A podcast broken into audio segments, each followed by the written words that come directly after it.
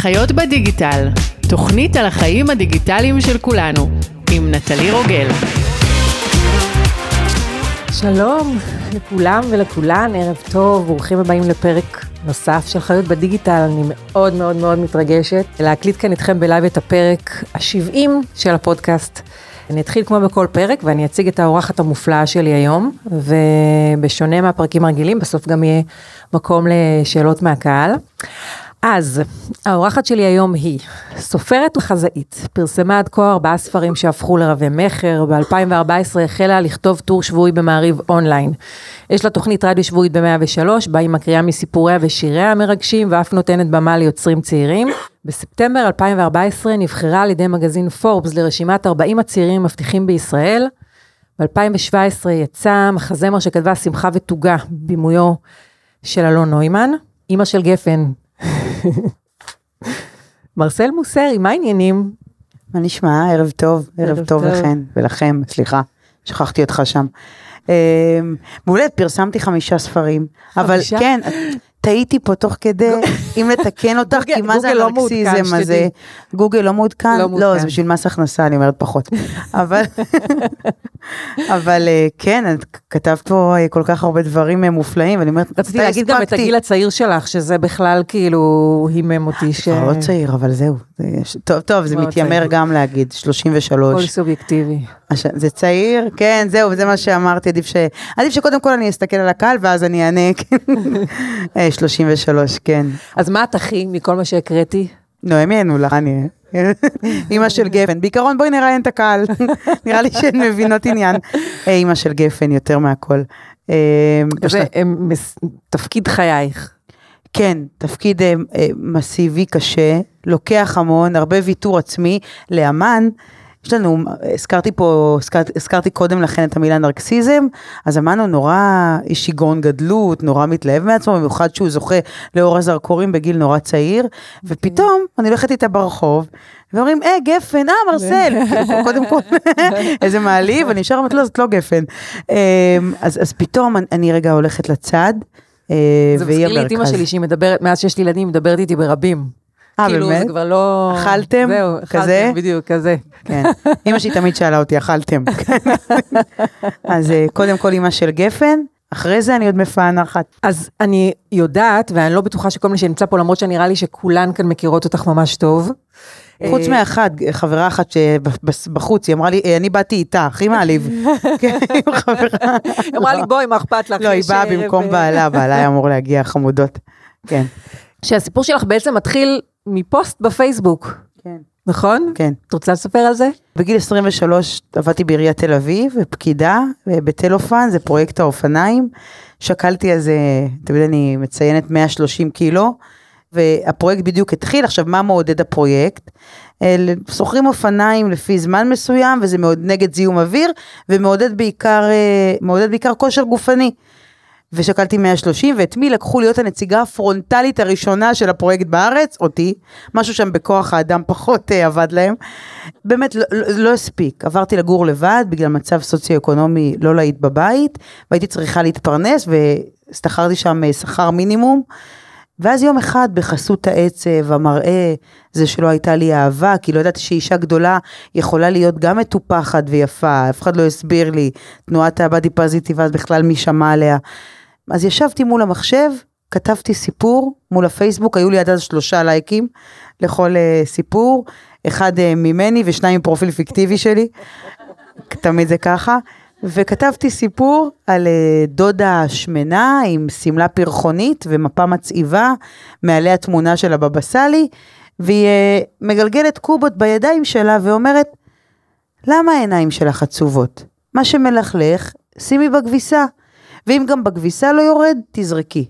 ושלחתי את הסיפור הזה לפייסבוק, וכשהתעוררתי, כבר היה היסטוריה, היו שם 400 או 500 לייקים. כתבו מי זו מרסל מוסרי, איפה אפשר להשיג את הספר, לשמוע הרצאה, התלהבתי, אמרתי אני גם אלך, מי זו מרסל מוסרי, וזהו, מאז זה הפך לסיפור בכל יום ובכל שבוע. אבל איך מי באמת לקבל את הפידבקים האלה של, של אני, של אני כותבת, אנשים אוהבים את מה שאני כותבת, אנשים מזדהים, אנשים מתחברים לזה, איך, איך מקבלים את האומץ או את המוטיבציה להוציא ספר, זה כאילו, זה כבר סיפור אחר לגמרי, למי שניסה נכון. אי פעם להוציא ספר ויודע במה זה כרוך. היום אגב, אה, להוציא ספר זה, זה הרבה יותר בנורמה. כל אדם שני מוציא ספר, פותח הדסטארט, אז ההדסטארט רק התחיל, אני מדברת לפני עשר שנים. ההדסטארט אה, רק התחיל, ו, ואמרו לי, אחרי כמה סיפורים פנה אליי קורא חרדי, אה, שעד היום הוא מגיע, הוא מגיע לשבוע הספר כשאני חותמת על ספרים עם שקית כזאת, תמיד יש להם שקית, אני חותמת לו מהר, הוא מחביא את הספר בין כתבי הקודש, אה, והוא נוסע, נוסע משם. והוא כתב לי, אפשר ספר מפרופיל כזה פיקטיבי? אמרתי לו, ספר? מי יוציא לי ספר? איזו הוצאה? הרי זה גם סיפור קצר. מי מוציא סיפורים? אני לא טולסטוי, אני לא הנרי, אני לא, אני לא אה, קארבר. אני אומרת מלא כדי שתחשבו שאני חכמה. אני לא בוקובסקי. אמ, בדיוק, כן, מגזימה, קפקא. ואז, אה, אה, ואז אמרו לי שיש דבר שנקרא הדסטארט, ואמרתי, יאללה, בוא ננסה, מה אכפת לי? בת 23, בלי מחויבות, מלא תיקים בהוצאה לפועל, מה יכול לקרות? וביקשתי 20 אלף שקלים להוציא את ספרי הראשון, קופסת קובות, ואחרי חודשיים קיבלתי 24 אלף שקלים. מדהים. אה, כן, כן. בסוף עלה לי להוציא את הספר עשרת אלפים שקלים, איזו עקיצה, ובעודף, במקום לשלם שכירות, להחזיר חובות, מה עשיתי? השקה שהיא חצי חתונה. וואו. מזעזע. היו שם באמת מגנטים, כל מי שיצא קיבל מגנט, ונכתב על המגנט, תודה שהשתתפתם בשמחתי. טיפת פאסון אין לי, אין לי טיפה. אה, מה היום? זה... היה קוב, היית בהשקה? אה, כן, היו. היו, היו קובות, והיה ערק, נכון, כן, כל ה... יש לך דמיון מה, זה. הכי סטייל, זה הכי סטייל תל אביבי. היום, אבל אז עשיתי את זה בנמל. יפו, אני כאילו מגייסת לעצמי שפה מאוד גבוהה, ומאחוריי אה, יהודה קיסר מחלטר. אין, בכל מקום שאני אלך נראית יהודה קיסר, נכון? זה לא משנה. תהיו בחולון, תראו אותו, תגיעו להרצליה, הוא שם. זה מצחיק, אני אוהבת אותו. אז אפרופו יהודה קיסר, זה מביא אותי באמת לשאלה של ה... יש אה, משהו מחתרתי קצת בדרך שבה אנשים הכירו אותך, נכון? קישרת את זה עם יהודה קיסר, תפרת את זה יפה. נכון, כן. אבל זה ממש... ידוע זה שהוא איש. מחתרות, לא, כי הוא כאילו הגיע מה... כל הכבוד, ממש תפרת את זה. כן. אה, אמרתי לך, לא סתם, חמש שנים, מרסל. אה, אז, אז מעניין אותי לדעת קודם כל על מה היה לפני כן, כאילו ניסית להוציא ספר, התחלת איזה, לא, זה, נתקלת בכל הלואים האלה? היית, לא, מה פתאום, זהו, דרך שלא עברתי, אבל החיים חישלו מספיק לפני. זאת אומרת, כשאת ילדה, נערה שמנה, לא, לא מטופחת, כשבבית ההורים עסוקים בהישרדות כלכלית ואין זמן רגע להגיד לך שנייה, בואי תראי איך, או, או כן, אמא שלי הייתה פותרת איתי את השחצים ומלמדת אותי עברית, ואבא שלי היה שר איתי שירי ארץ ישראל, והיינו עושים קידוש מדי שישי, קידוש זה מוטיב שחוזר בהרבה מהסיפורים שלי, אבל צ'ופרים ומותרות וימי הולדת וטיולים פחות, אז החיים חישלו לפני, יותר מהלא שיגיד לי איזה אה, בעל אה, מוציא לאור מפונפן. אז עשיתי את זה ישר, ועד היום אגב, אני לא הולכת עם הוצאות הספרים. אני זוכרת חסד נעורים לקהל שלי, ודרך ההדסטארט אני עדיין מוציאה דרך הקהל ודרך קהל הפייסבוק שלי. את כל הספרים? לא, חוץ מאחד, זה שאהבתי, שהוא היחיד שהוא רומן, לא יודעת מי מכן קראה, קראתן? הוא היחיד שהוא רומן, מוודאת עם כן, הגולה. כל אחת תגיד עכשיו מה היא חושבת. אה, הוא רומן אחד ששאלו אותי, מרסל, למה את לוקחת דמויות וזורקת אותן? שנייה אחרי שני דפים שאני סוף סוף מתחברת לדמות, את כבר סוגרת את הסיפור. תמשיכי איתם עוד קצת, עם הדמויות. אז באמת לקחתי דמות אחת והמשכתי את הרומן שלם, ודווקא זה יצא בהוצאת ספרים, ואחרי זה הבנתי שזה לא, לא לי. כי, את אומרת, כאילו, הקושי היה לפני כן, כי את חושבת שכן צריך להיות קשיים לפני שאתה מקבל איזשהו אה, תשובה חיובית למשהו גדול שאתה רוצה לעשות, שזה תלוי בעוד גורמים? זהו, אז, אז אי אפשר לבוא עכשיו ל, לאדם שהוא נורא נורא מוכשר, ויש לו דמיון קולח ופורה, ולהגיד לו, החיים אה, לא חישלו אותך, ויש לך בית נחמד, והורים שעובדים בעבודה נחמדה, אז אני אדכא לך את האומנות, ואתה פח כי אין לך מספיק צלקות. לא, להפך, אני אומרת, כאילו, זה נשמע לי, אני, האנשים שהם כביכול פריבילגיים ולא עברו את כל הקושי כן. הזה, אני תוהה אם, אם זה דווקא, זה יוצא פחות טוב. זהו, אז, אז אני לא יכולה להעיד עליהם, כי לא עמדתי במקומם. אני כן חושבת שאומרים לא כואב, לא כותב, אז אני חושבת שהכאב הזה זה משהו שחישל מאוד ועזר לי מאוד, ואני מכירה את, ה, את, את הפשטות, את, ה, את המתחת, אבל יכול להיות שמישהו שגדל בבית פריבילגי ויש לו הכל, אז החלום שלו והשאיפות שלו והסיפורים שלו, כולם נבנים על סביב זה שהוא רוצה פעם אחת שאמא שלו תגיד לו שהיא גאה בו. שזה גם עקב אכילס, שזה גם משהו מעכב נורא. נכון. אז, אה, אז אני, אני, כן, אני לא מזלזלת בהם. אז אמ, למרות שאין ספק שאני יותר טובה. סליחה, אני לא יכולה להיות רצינית יותר אני מדקה. גם- אני גם סליחה, זה חושבת. מזעזע. אז הרבה פעמים נכנסת לכתיבה, נכנס לכתיבה שלך השד העדתי, לא ממקום לא טוב חלילה. ממקום שאת מדברת על המזרחיות שלך ומשלבת אותה בסיפורים שלך, שזה גם מאוד מפתיע ביחס לגיל הצעיר שלך, כאילו זה לא שעלית מקזבלנקה עכשיו ויש לך, את יודעת, סיפורים מבית אה, סבתא. אז אני אומרת, כאילו, מאיפה זה מגיע, למה זה כזה חזק? זה שייך לסיפורים הראשונים שלי, היום זה פחות נוכח. מעולם לא הסכמתי להניף את דגל, סליחה אם אני פוגעת פה ברגשות של מישהי, הכל באמת זה סובייקטיבי וזה בעיניי. מעולם לא הסכמתי להניף את דגל האכלו לי שתו לי, או את דגל המזרחי המקופח. מעולם לא הסכמתי להניף את דגל הרווקה, עכשיו אני גם לא מניפה את דגל הגרושה, אה, למי שלא יודעת וזה היכה בה בתדהמה. אני לא, לא מסכימה להניף אף דגל, ולמה? כי אני לא רוצה שיקראו אותי עם עין שהיא חשדנית. כאילו אני מנסה למכור להם משהו. מה שכן, אני יודעת את הניבים, את הריח של שבת בבוקר, את הסירים של סבתא, את רעש הצמידים שלה, שאני קוראת לזה המנגינה היפה ביותר לאוזניים בחלק מהסיפורים, מביאה הרבה מהדתיות אצלי, אבל לחמלה, לאיחוד העם, אה, נגד הקרע, נגד השיסוי, נגד. אני משתמשת בזה לדרכים טובות, אבל אני אף פעם לא ארגיש את עצמי אה, חזקה מול אדם שהוא מוחלש. זה, זה, לא, זה לא עושה לי את זה. מעולה. אלא אם כן אני שותה הרבה והוא בקטע. כן, וזה מה שהוא אוהב. כזה. כן. אז אני עכשיו אני אשאל אותך את שאלת השאלות. כל אחד יכול לכתוב? זהו, אני אומרת תמיד לאנשים שהולכים לסדנאות כתיבה, יש פה, את היית בסדנה, כן. אה, אני, אני אומרת תמיד לאנשים שבאים, הדבר הראשון שאני אומרת להם, זה אני עומדת מולם ואני אומרת, מי שאומר לכם שהוא יכול ללמד אתכם כתיבה, מש... אי אפשר ללמד כתיבה, הרי מה, זה, מה זו כתיבה? זה הדמיון שלנו, שלום, הקדמת, זה הדמיון שלנו, פלוס הצלקות שלנו, פלוס החיים שעברנו, הדמויות שפגשנו, כמה אנחנו יכולים לדובב אדם, כמה אנחנו מסתכלים, עכשיו עובר איזה מישהו שאוסף פחיות, אז מי מאיתנו יסתכל עליו ויגיד איזה חמוד וימשיך ללכת, ומי מאיתנו יסתכל עליו עוד 20 שניות ויגיד, איך, אבל יש לו נעלי נייק, למה הוא אוסף פחיות? ימציא עליו ממש סיפור שלם. אז אפשר לתת כלים לאדם, להגיד לו איך לכתוב, כל אדם יכול לכתוב את הצלקות שלו. אם הוא ידע אה, לחרוז או להלחין אותם, זה כבר עניין של, אה, של יד או של עיניים או... אני לא יודעת. כי אני, אני אגיד, אני קוראת את הסיפורים שאת כותבת, שזה משהו שהוא מדהים בעיניי, כי אני, אני תמיד קוראת את זה ואני אומרת, אין מצב שזה, שזה באמת קרה, כאילו. בטח שומעת את זה הרבה, נכון? כל הזמן, גם בפרטי, על כל, אה, נגיד יש ש- 6,000 לייקים לסיפור בפייסבוק, אז 300 הודעות לפרטי. תגידי רק לי. כן, תגידי. רק כן. ואת אומרת? אה, לא, אני תמיד משתמשת אה, במה שעמוס עוז, זכרו לברכה, אמר. אני נמצא בכל אחד מהסיפורים שלי, אבל גם לא באף אחד מהם. כזה. אני אומרת שאני כתבתי את זה. תמיד אני מצטטת אותו. כן. תכף אנחנו, אנחנו תכף, תכף אני אחבר את זה, כמו שעשיתי ליהודה קודם קיסר. לעוד איזה... כן. מצחיק שאת אומרת עמוס עוז, יהודה קיסר, מצחיק. יש איזשהו חיבור, כן. מוצאת קורולציה. כן, זה יפה, אבל זה כיף לראות. אז מה עושים כשיש משבר כתיבה? או מה את עושה כשיש לך משבר כתיבה? זה, זה טריקי, כי מצד אחד הכתיבה היא הלחם שלי. היא הלחם של, והצעצועים של גפן, והטיטולים שלה.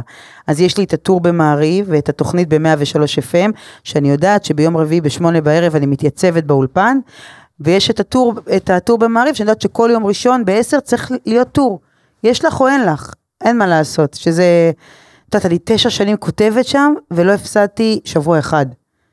אה, באמת, גם בחולי, גם אחרי לידה, גם בגירושין, לא הפסדתי שבוע אחד. שמעתי ממישהו, ש... ממישהו. שכותב, שאמר שדדליין זה ההשראה הכי טובה שסופר אה, יכול אה, לקבל. נהדר, כן. נהדר. כן, זו השראה, זה, כן, זה, זה השראה של... אה, שאת עומדת לפני מחנה ריכוז, וכן אומרים לך, יש לך טור? ברור, מה הגזמת. אה, אז כזה. אז, אז, אז אני חייבת, אבל לכתוב ספר, או לכתוב משהו, לכתוב פוסט לפייסבוק, זה אני כן צריכה השראה מאוד גדולה. אתמול נגיד, כתבתי משהו שהוא אולי קצת על גדת הפופוליזם, אני לא אקרא לזה ככה, כן בער בי נורא, בערו בי נורא הפיגועים. אה, וכתבתי משהו שזכה לאיזה כמעט 20 אלף לייקים, אה, כתבתי משהו על, על, על העזרה שפגשנו מכל ה... זה על אחד ש, שראה את, את הטבח והוא יצא מה... את קראת את זה? בטח. כן, אבל זה בפייסבוק, זה נלך להביא? לא, אני, אני. אה, את תביא? לא, כי... לא, בדרך כלל מדפיסים. בפודקאסט הקודם שהייתי הדפיסו לי מראש. באמת? עם מי זה היה הקודם? לא, אני צוחקת. אה, את אומרת עליי. עלייך. אבל מי היה, זוכרת עדיין מרואיינים? אה, בוודאי, הגזמת. רגע. את בטינדר? בעלי פה בקהל, אז, אז אה, התשובה היא לא. אה, זה אתה, מה שלומך? אני מסכסכת, אם אני גרושה אז כולם, זה כזה. יש לך גם עמוד וגם אה, זה, זה עכשיו... אה, תביא, אני אעשה. בבקשה. אנשים לקחו בייביסיטר, אבל טוב. אוי, אין לך סוללה. לא נורא. סליחה. רגע, אני עושה לעצמי לייק. אז כתבתי אתמול משהו שהוא קצת... אה, זה על, אה, על עניין הפיגועים האחרונים. אבא אחד יצא לבלום את המרצח. מה עשה הבן? קפץ על אמא שלו כדי להציל אותה ונפצע קשה. גבר שניסה לבחירת ליבו לפני שנתיים, הקריא לה את אשת חיל בקידוש. פתאום שמעו יריות, יצאו החוצה, ראו פצועים על הכביש, מדממים ונטולי הכרה. לא חזרו פנימה ולא ברחו, אלא ניסו להציל, שניהם נרצחו תוך רגע. קצין בחופשה חטף שני כדורים לבטנו, ובמקום לשכב על הארץ ולעשות עצמו מת, גונן על אביו ועל שאר האנשים, שלף אקדחו וירה אל המחבל. הלילה אני בצד הנפגע, המדמם והאבל כל כך. אבל זכיתי להיוולד ולחיות בצד הערכי, המוסרי והיפה. זה המקדש את חיי האדם. הוא מחלק סוכריות רק כשבית נבנה או כשתינוק מגיע אל העולם. זכרם ברוך. אז הרבה הרימו קצת גבה, כי אמרו, רגע, יש פה עוד צד מדוכא ו- ו- ו- וצריך להבחין בו. ואמרתי, אני לא מניפת גלים, אבל פה הרגשתי את העם שלי פצוע ומדמם וכואב, ו- והכתיבה יצאה. ואני אני, אני גאה על זה, כן? זה לא... ברור. אז אה, אם אנחנו מדברים על באמת אה, כתיבה ומה נותן השראה ומשברי כתיבה, אז אני, אז אני חושבת על, על זה ששמעתי כמה אנשים שכותבים, שיותר קל לנו לכתוב, שקשה לנו או עצוב לנו. בטח, הרבה יותר. אחד, כתיבה היא כלי תרפויטי. אני ממליצה פה לכל אחת שנמצאת בשברון לב, בעצב רגעי, זה, זה יכול להיות על כל דבר. אה, על, על מחלה, על, על, על גבר, על כל דבר אפשר, ילדים, זה לא משנה, לכתוב. גם אם זה אומר לכתוב לעצמך סתם איזה משפט העצמה בבוקר, או לכתוב זיכ, זיכרון מהילדות, עשיתי לכם את התרגיל הזה בסדנה, קחי חפץ מתוך בית ילדותך ותכתבי עליו, בתור הילדה שהיית, מה ראית בחפץ הזה? סתם, פטיפון. תמיד אני נותנת להם את הדוגמה, כשהפטיפון ניגן, ידעתי שאסור לי לצאת מהחדר. סתם, את, את, את מביאה מנקודת אור מהחיים, פוג- פוגשת נקודת חושך מהרגע, מההווה, ואיכשהו זה משיל מעלייך. אה, אז, אז כתיבה באמת מרפאת כל כאב. את יודעת, גם מהצד השני זה מביא המון הזדהות בהרבה מהמקרים. בטח, ואנשים שולחים את זה, בפעם הראשונה לי את זה, הם יגידו מה זה, מה, עובר עליה משהו, למה היא כותבת את זה? בפעם השנייה שתעלי, הם יכתבו לך הכל בסדר, פעם השלישית והרביעית הם פתאום ימצאו את עצמם, הם פתאום יבינו שאת אדם כותב, הם לא ישאלו שאלות. אנשים מחפשים היום כתיבה אותנטית, רגישה, אמיתית, נקייה, מכל, מכל שטנץ כזה, רק כי אנחנו מלאים ברפש ובציניות ובפוליטיקה וב... נמאס. נכון, לפעמים כבר גם, כבר קשה לזהות את זה מרוב שזה... נכון. אז ממה את שואבת את ההשראה שלך? את כותבת? אגב, לא שאלתי. כן, כן? כן. מה, מה, אני עכשיו כותבת תסריט לסדרה, וואו, כן, דרמה. דרמה, דרמה קומית, זה כאילו נושא מאוד דרמטי, אבל אני, מתוך איזשהו ניסיון להקליל אותו, אני מנסה שזה יהיה דרמה קומית. חברת ההפקה קצת פחות, אה, פחות בעניין. אה, זה יפה, הליצן העצוב. כן. זה יפה. אחד הדברים הכי קשים שיצא לי לעשות באמת, וגם כל הזמן נמצא המקום הזה, שזה, אני לפחות אני מרגישה ככה שאתה לא לומד משהו באופן שהוא, כאילו לא למדתי בסם שפיגל, לא למדתי בתסריטאות בצורה מסודרת, כאילו, ואז פתאום אתה נכנס לעולם הזה ואתה מבין שיש המון חוקים ויש... נורא טכני תסריט, זה לא כמו פרוזה. זה טכני נורא, וזה, וזה תבניות, וזה מה, תספרי, תסכמי לי במשפט אחד מה הדמות רוצה. כן. לאן היא חותרת עכשיו, ואז פתאום מישהו מנחה אותך, וזה מונע ממך את החופש האומנותי. אבל העבודה על הדמויות היא מאוד דומה בספרים. אתה צריך להבין מה הרצון בטח. שלה, מה מניע אותה. אז כאילו, טוב, אותו- יפה מאוד שאת. עושה את זה, זה נורא קשה. כן. אני עדיין מתעצלת. כן, באמת. שלב הבא, אז לא ענית לי על השאלה. אה, מה ההשראה? אני, אני, אני אגיד, אה, גפן נותנת הרבה השראה עכשיו, אבל אה, ההשראה בעיקר אלו, ילדים זה מאוד אה, מקור השראה. כן, מאוד. אבל, אבל היא נותנת את ההשראה בעיקר לקומי. כן, כן. בדיוק אמרתי לה שהיא התחילה לדבר, היא בת שנתיים, אז היא התחילה קצת לחבר משפטים, אז היא הייתה אימא של שבת עכשיו. נראה לי שהגננות עוקצות אותי, כי הם הבינו שאני מהאימהות המשקיעניות, ואני מביאה מתנות חוץ מהחלות ופלטת פירות, אז מעניין ש-40 ילד, ב- 30 ילדים ב- בגן. בגן, ואיך היא תוך חודשיים הייתה שלוש פעמים עם השבת. משהו שם לא, לא עובד לי. יש פה איזה... לא הגיוני שהסבב כזה, כן, כן. היא אמרה לי, מנהלת הגן, אז תהני מזה, בטח, היא משלמת לה 4,000 שקל וגם אה, זה מצחיק. אז היא אמרה לי, אה, היום, אה, היא אמרה לי, אמא, היא זכרה שהיא הייתה עם השבת. אז היא אומרת לי, תביא לי חלה. אז אמרתי, מאיפה אני אביא חלה עכשיו? אז היא אומרת לי, עשר חלה, והמשיכה ללכת. באותו רגע, זה מין, לא משנה איזה יום עבר, זה התרוממות רוח כזו. אז היא, וגם החיים שלי הם מקטעים. אני אף פעם, חוץ מגפן שהיא על ציר הזמן עד המוות שלי, כל דבר הוא, הוא לזמן מסוים. נישואים שלי היו לזמן מסוים. חברים שעוטפים אותי, חוץ מאחת, הם לזמן מסוים. פרויקטים שאני עושה, אני עושה המון דברים עכשיו. הם לזמן מסוים, אז אני חושבת שהמקטעים האלו, אני מאוד אוהבת. גם שווקים, גם לנסוע עכשיו שלושה ימים לטייל בעולם, בגלל שאני מגדלת את גפן די לבד, אז כל טיסה כזו עולה לי עוד, כי אני צריכה להביא מישהי שתשמור, אז עולה לי עוד איזה אלפיים. אבל זה שווה לי כל דמות חדשה שאני אביא, כל רעיון, אז כאלה. מהמם. בוא נדבר על צידה לדרך, לכותב המתחיל, אוקיי? אני כבר דמיינתי פריקסה. זה דמיון של אין מה לעשות. אני בעד. כן. אני זורמת עם זה, תכף זה יגיע. יש, יש. פה, תודה, איך אתם משקיעים פה בהרצליה. אה, האמת שהייתי בבאר שבע לפני שבוע, הרציתי שם, גם כזה, רעיון כזה על במה, ומאחורי הקלעים נכנסתי, הם אפילו שמו פלטת מטוגנים, מצאתי את עצמי עם סיגר, פסטלים ביד לפני ה... כאילו, די, קצת, אמרתי, אין את פאסון. אין את זה. נכנסתי לבמה, אני לא רוצה להגיד איך. תמשיכי, זה לא יעבוד. מעולה.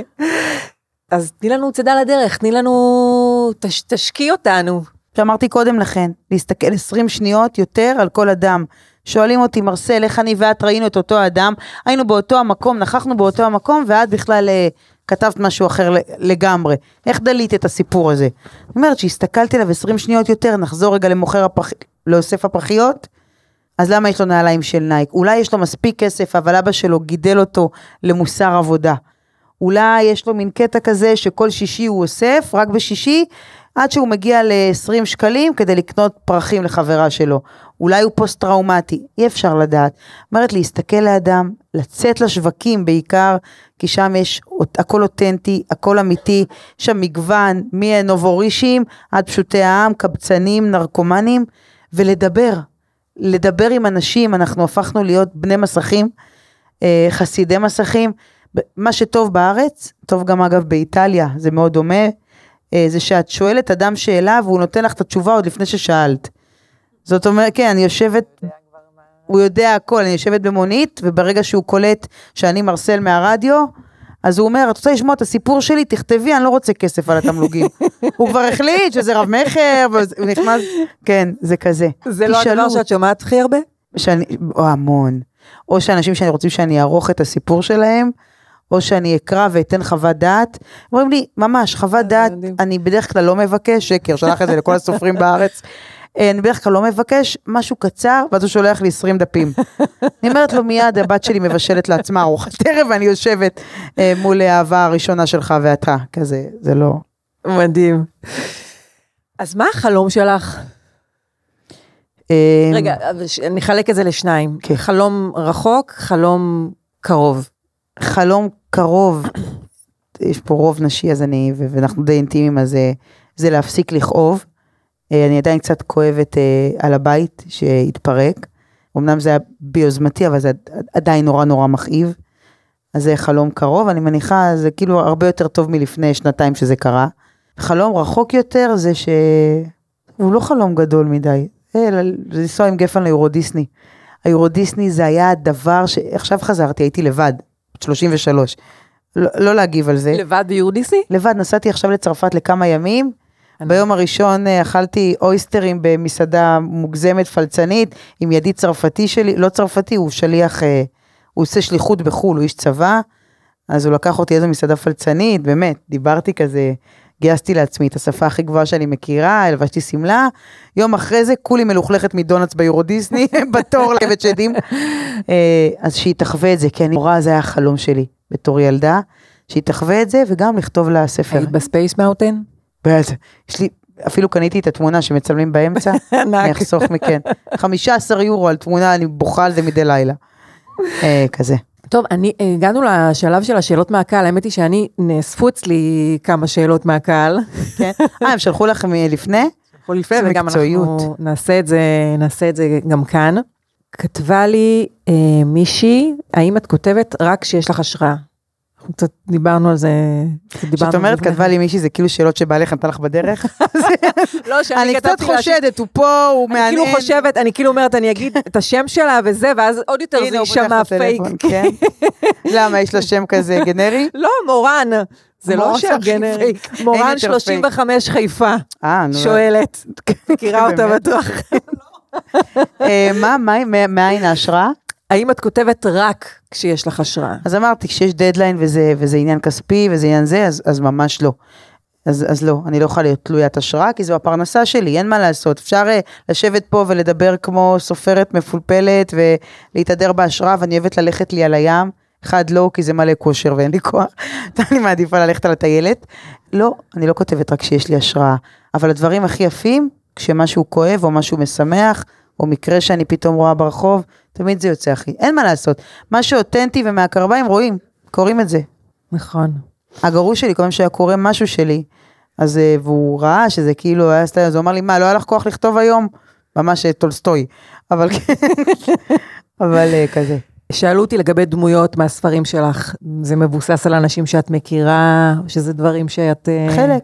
אז תמיד אני, תמיד אני אשנה כדי שהאדם לא יזהה את עצמו, גם כי היו לי כבר מקרים בעבר, גם כי היו לי מקרים בעבר שמישהו זיהה את עצמו בטור וזה נורא פגע בו, גם מקרים אחרים שזה נורא שימח ואנשים רוצים, אבל היו כמה שזה פגע, אז אני תמיד מרחיקה את זה נורא. אם נגיד אה, דיברנו על אה, תאומים, אז אני אהפוך את זה לתאומות. אני אשנה ארץ, שאני אשנה מיקום, או ש... עכשיו, פעם הבאה שתכתבי על תאומים, אני אחשוב שזה עליי. שזה עלייך, מחר על הבוקר את מקבלת פוסט, פוסט שיימינג. שיימינג. איך את נכנסת למוד של כתיבה?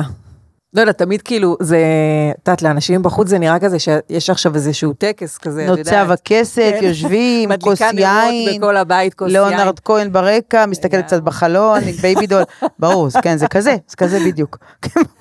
בול. הבוקר באמת, הבוקר עבדתי, שהיה לידי ביסלי גריל ואקסל, אין, אין איזה, אז אוקיי, אז זה יכול להיות בבית קפה הומה ורועש, וזה יכול להיות בבית עם מנגינת רקע, מה שעוזר לי מאוד זו מנגינת אוד. אני ממליצה למי מכן שאוהבות מנגינת אוד, זה כלי שמספר סיפור. זה כלי שמדבר, תמיד כשאני משמיעה אוד ברקע, כשיש שקט בבית, יוצא לי סיפור נוגה ויפה, זה כלי שאני אוהבת לעבוד איתו. אה, ואם זה בבית קפה, אז שיהיה הומה אדם, ברגע שנכנס למול של כתיבה ואני שומעת רעש ושיחות, אני בשנייה יכולה לכתוב. מול הים, אני דווקא ככל שהים נובע וגועש ורועש, הכתיבה שלי, זה בחיים לא נתן לי השראה הים. אה, לא דווקא, נתן? לא, דווקא מקומות, או, או שזה צריך להיות מקום הומה, או מקום ממש חשוך ומנגינת אוד. כזה. אני מאוד אוהבת את זה, להת- להתחבר למוזיקה וכתיבה, כאילו, זה מאוד זה, אה, זה מכניס קולח, לאווירה. הרבה פעמים לפני שאני, אם בוער בי רעיון ואני חייבת לשבת ולכתוב, ואני שומעת מנגינה לפני שאני, היד שלי נחה על המקלדת, אז אני מרגישה כאילו אני, כמו בסרטים, שהוא שנייה לפני רסיטל, שנייה לפני שהוא מנגן על הפסנתר, היד שלו מתחילה לזוז, ואני כבר, אני, אני מחכה, זה כזה. אבל אלו רגעים, רגעים נדירים שאני אוהבת נורא. מעולה. אה, בנות יקרות, מה איתכן? אין עוד איזה זה, דנה זה מראש הזמן העין? שלכן. דנה מראש העין. איך אני מרגישה בתום הכתיבה? אז כן, אז, אז אני היום, כי יש לי ילדה, לא יודעת אם זה עדיין בזכות או בגלל, אני עדיין, זה מתעתע, כי יש לי ילדה, אז, אז אני נורא עוצרת ואני בוררת מה אני חושפת. פעם הכל היה ברור, כי לא היה לי מה להפסיד, כל הזה, והיה איתי הרבה הזדהות. היום אני באמת, גם כשאני כותבת עליי ועליה, נגיד אחרי גירושים ש, שהם לא קלים, אמ, אז, אז 120 אלף עוקבים יש לי בפייסבוק, ואתן יודעות מה זו אישה בהתקף זעם? יכלתי להתפרס שם עד... לא, יש לי ילדה ואני מגוננת עליה היום ועוטפת אותה, אמ, אבל כשאני כותבת משהו שהוא נוגע, או נגיד אם יש לי כמיהה פתאום לאיזה גבר, כמיהה ללילה עם אה, שתי כוסות יין ו- ו- ותשוקה ומוזיקה, אז אני אכתוב דיאלוג בין גבר לבין אישה, וזה לא יספק כמו שגבר מספק, זה מזעזעת. זה לא יספק כמו שגבר מספק או את הכמיהה הזו, אבל באותו רגע זה כאילו יוריד לי איזה משהו שמבעבע בי. אה, אז זה סוג של מנוחה, זה נחלה, אומנם רגעית, אבל ברגע, וזה מה שטוב בפייסבוק לכל אלו שמזלזלים ברשתות החברתיות, ברגע שאת רואה שמישהו הזדהה ומישהו הבין ומישהו כותב לך מישהו, את, את, זה פתאום גם, אה, זה עוד יותר מספק. זה המהירות, את לא צריכה לחכות לאיזה מבקר, לא צריכה לחכות לראות אם קנו או לא קנו, זה באותו הרגע. אני מקווה שעניתי ולא... מלא שאלות קיבלת מהקהל. אה, להקריא לכם. זה אהבה או משפחה? לא עכשיו אה, להתפלצן, להגיד זה אותו הדבר. אהבה רומנטית או משפחה? אהבה? כן, בואו, הבייביסיטר אתם תשלמו. זה אחד מהסיפורים הראשונים, לא יודעת למה הוא קפץ לי. אהובי נוסע אל הסופר בשישי בבוקר. עומד עם רשימה בכתב ידי מול מדפים עמוסים, וסובל בשקט כשזקנה פוגעת לו בצלעות עם העגלה שלה. אהובי מלקט מן המדף כל מה שביקשתי. קמח, שמן זית, גבינת עיזים, חטיפים ושתייה מוגזת במבצע. אהובי עומד בתור אל הקופה, גבר אחד צועק אל הפלאפון שלו, את סתומה? למה לא כתבת לי שאת רוצה גם גמבות? את בלתי נסבלת. אהובי מרכין ראשו במבוכה, קורץ לנערה שממתינה מאחוריו ואומר לה, לא כל הגברים כאלה. הנערה מחייכת. אהובי מוציא את השקיות מהאוטו הישן שלו ועולה איתן ברגל, ארבע קומות אל הבית. אני שומעת את רעש המפתחות בדלת, מניחה את המגע וצועדת בזהירות על הרצפה הרטובה לעזור לו. אהובי נכנס אל הבית. מביט בשערי אסוף בקליפ סגול, בשמלת הניקיון המוכתמת שלי וצוחק. אני עומדת על קצות האצבעות ומנשקת את לחייו. אני מזיע, סליחה, הוא אומר. ולי בכלל לא אכפת. אהובי הולך אל המטבח עם כל השקיות ומשאיר לי סימני נעליים על הרצפה. הכנת המון, הוא אומר כשפותח את אחד הסירים ותואם את הדג עם ידיו. אהובי מורח מעט רוטב על שפתיו ומנשק אותי. טעים, אני מחייכת. אהובי עכשיו ישן. זו השעה השקטה לפני שנכנסת השבת. אני מוזגת לי כוס מהשתייה המוגזת. מביטה על הפרחים הלבנים באגרטל, על הנרות שהלהבה עדיין לא פגשה, ועל הרצפה הנקייה. הבית שלי מצוחצח וגם הלב נקי, נקי מאוד. חוץ מסימן אחד, אותו אני משאירה בכוונה. סימן אחד, מטר מדלת הכניסה, על יד מתלי התיקים. הסימן שהותיר צעדו על הרצפה הרטובה שנכנס. הסימן המלוכלך שמזכיר לי בשבת, כל שבת, שפעם אהובי לא היה. וגם קניות לא היו ונרות לא. ואני אוהבת את הסימן הזה יותר משאני אוהבת את עצמי, כמו כל בודדה לשעבר, אני מניחה. תחלום טוב, אהוב ליבי. כמה יפה אתה כשאתה ישן, כשתתעורר סביב שולחננו הקטן, כבר ישבו ויחכו לנו בסדר מופתי, האהבה, השבת והשלום. אה, לא צריך, לא צריך. לא. אז אחד מהראשונים, הוא ממש בוסר, אבל אני מאוד אוהבת אותו. לא מקסים. רגע, זה היה על אהבה? זה על כמיהה לאהבה, זה הראשונים. זהו, והיום אנחנו גרושים. אלה שהורסים. אה, לא, זה היה לפני, זה היה הרבה לפני. אגב, עד, עד היום אני, אני רואה בזה מודל מאוד יפה לאהבה. זה יפה שכתבת כל כך יפה וכל כך מדויק. פרחים ב- וקניות, ו... ו- ממש. כל למרות ה- שאם רגע נרד לאמת של זה, אם אהובכן י- י- יעלה על הרצפה כשהיא רטובה, אז שיהיה לו בהצלחה. אבל ברומנטיזציה של זה, אה, זו כמיהה עדיין, שאומנם נורא קשה לי עכשיו לפתח קשר, אה, אבל, אבל הכמיהה הזו לגבר שיבוא מקניות, במקרר יהיה מלא, משהו קצת ניאנדרטלי, ופרחים בשבת, ממש לא ניאנדרטלי, זה נשמע לי כמו משהו מאוד בסיסי. ופרחים בשבת. זה קלט עליו. אתה רואה, אני רומזת באיזה. למשל. היא אוהבת זר for you, זר 14. היי, מעולה שאת. עוד, אה, עוד שאלות? עוד שאלות? כן. תיכון, בגרות, אה, הרחבתי בתקשורת, ולא, וזהו. למדתי קצת קופי רייטינג, רציתי להיות קופי רייטרית במשרד פרסום. אה, תודה לאל שזה לא קרה. מה זה, לא, טוב שזה לא קרה, באמת, הסלוגן הכי טוב שהמצאתי, זה בכיתה ד', שהתמודדתי ל... למועצת התלמידים, כתבתי חוק ברזל, הצבע מרסל. טוב שהלכתי, טוב שהלכתי לספרות, אז אה, פשוט עבודה במשרד הפרסום הזה מחרב כל אה, יצירתיות, בגלל זה אני אומרת את זה. כן? אה, את, אה, זה, לא, אז, אז, אז לא למדתי. מאוד רציתי לפני שגפן נולדה ללמוד משהו, נרשמתי ללימודי ארץ ישראל, שרדתי חצי שיעור, ירדתי לקיוסק, ביקשתי חזרת הצ'קים, וקשה לי, נורא. כן. אה, לא, ואם כן, אז ממש שיקרתי. לא, לא מן הנמנע, אבל אה, לא. אסי דיין. אסי, כן. כמו יהודה קיסר, ממש קרוב. ביום הדין. אה, ברור, איך לא. אבל אה, לא, אסי דיין, אה, אסי דיין גילה אותי, אה, כן, בש- בשתיים לפנות הבוקר, קיבלתי הודעה, שלוש לפנות הבוקר, ממש בהתחלה שלי. תגידי, את לא חושבת שאת כותבת קצת כמו ארסית שיושבת על הברזלים? הסתכלתי, מי, מעז? היום היו עושים לו שיימינג מטורף על מילה כזו. ואז הסתכלתי וראיתי שזה אסי דיין, ואמרתי לו, אין לך משהו טוב יותר לעשות בשעה כזו מלהתחזות לאסי דיין? ואז הוא אמר, ובכל זאת, אני מתגעגע לסיפורים שלך כמו חומוס שמתגעגע לגרגירים שלו. מי עוד יכול לכתוב משפט כזה? אסי דיין. אמרתי לו, מה קורה, אסי? והפכנו לחברים, והגעתי אליו הביתה. מדהים. והמטפל הפיליפיני שלו הכריח אותי בפגישה הראשונה לעמוד מול הדלת ולהצדיע 20 שניות לדגל ישראל. כי זה אסי, זה מה שהוא רצה. להגיד לך שהיום הייתי עושה, גם היום הייתי עושה את זה. תארי לך רק את הסיטואציה. והפכנו לחברים, והוא הכריח אותי כשהייתי אצלו בבית, שלוש שעות לצפות בסרט על חייו, החיים כשמועה שעשו עליו, הוא ראה את זה בפעם המי יודע כמה, ואז הגענו לאבא שלו, והוא אמר לי, את יודעת מי זה אבא שלי? אז אמרתי לו, שמיר, לא, בכוונה. שמיר הנמוך.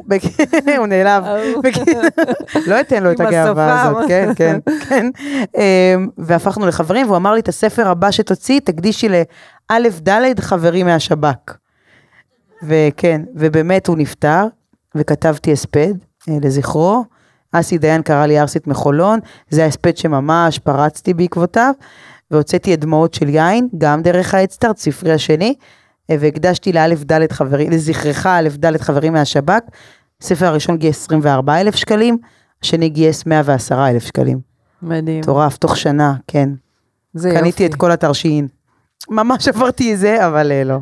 אבל וואו, אם הי- אני הייתי מקבלת הודעה מאסי דיין, לא עכשיו, כי עכשיו זה באמת היה מלחיץ, אבל אם הייתי מקבלת הודעה מאסי דיין, הייתי מתעלפת.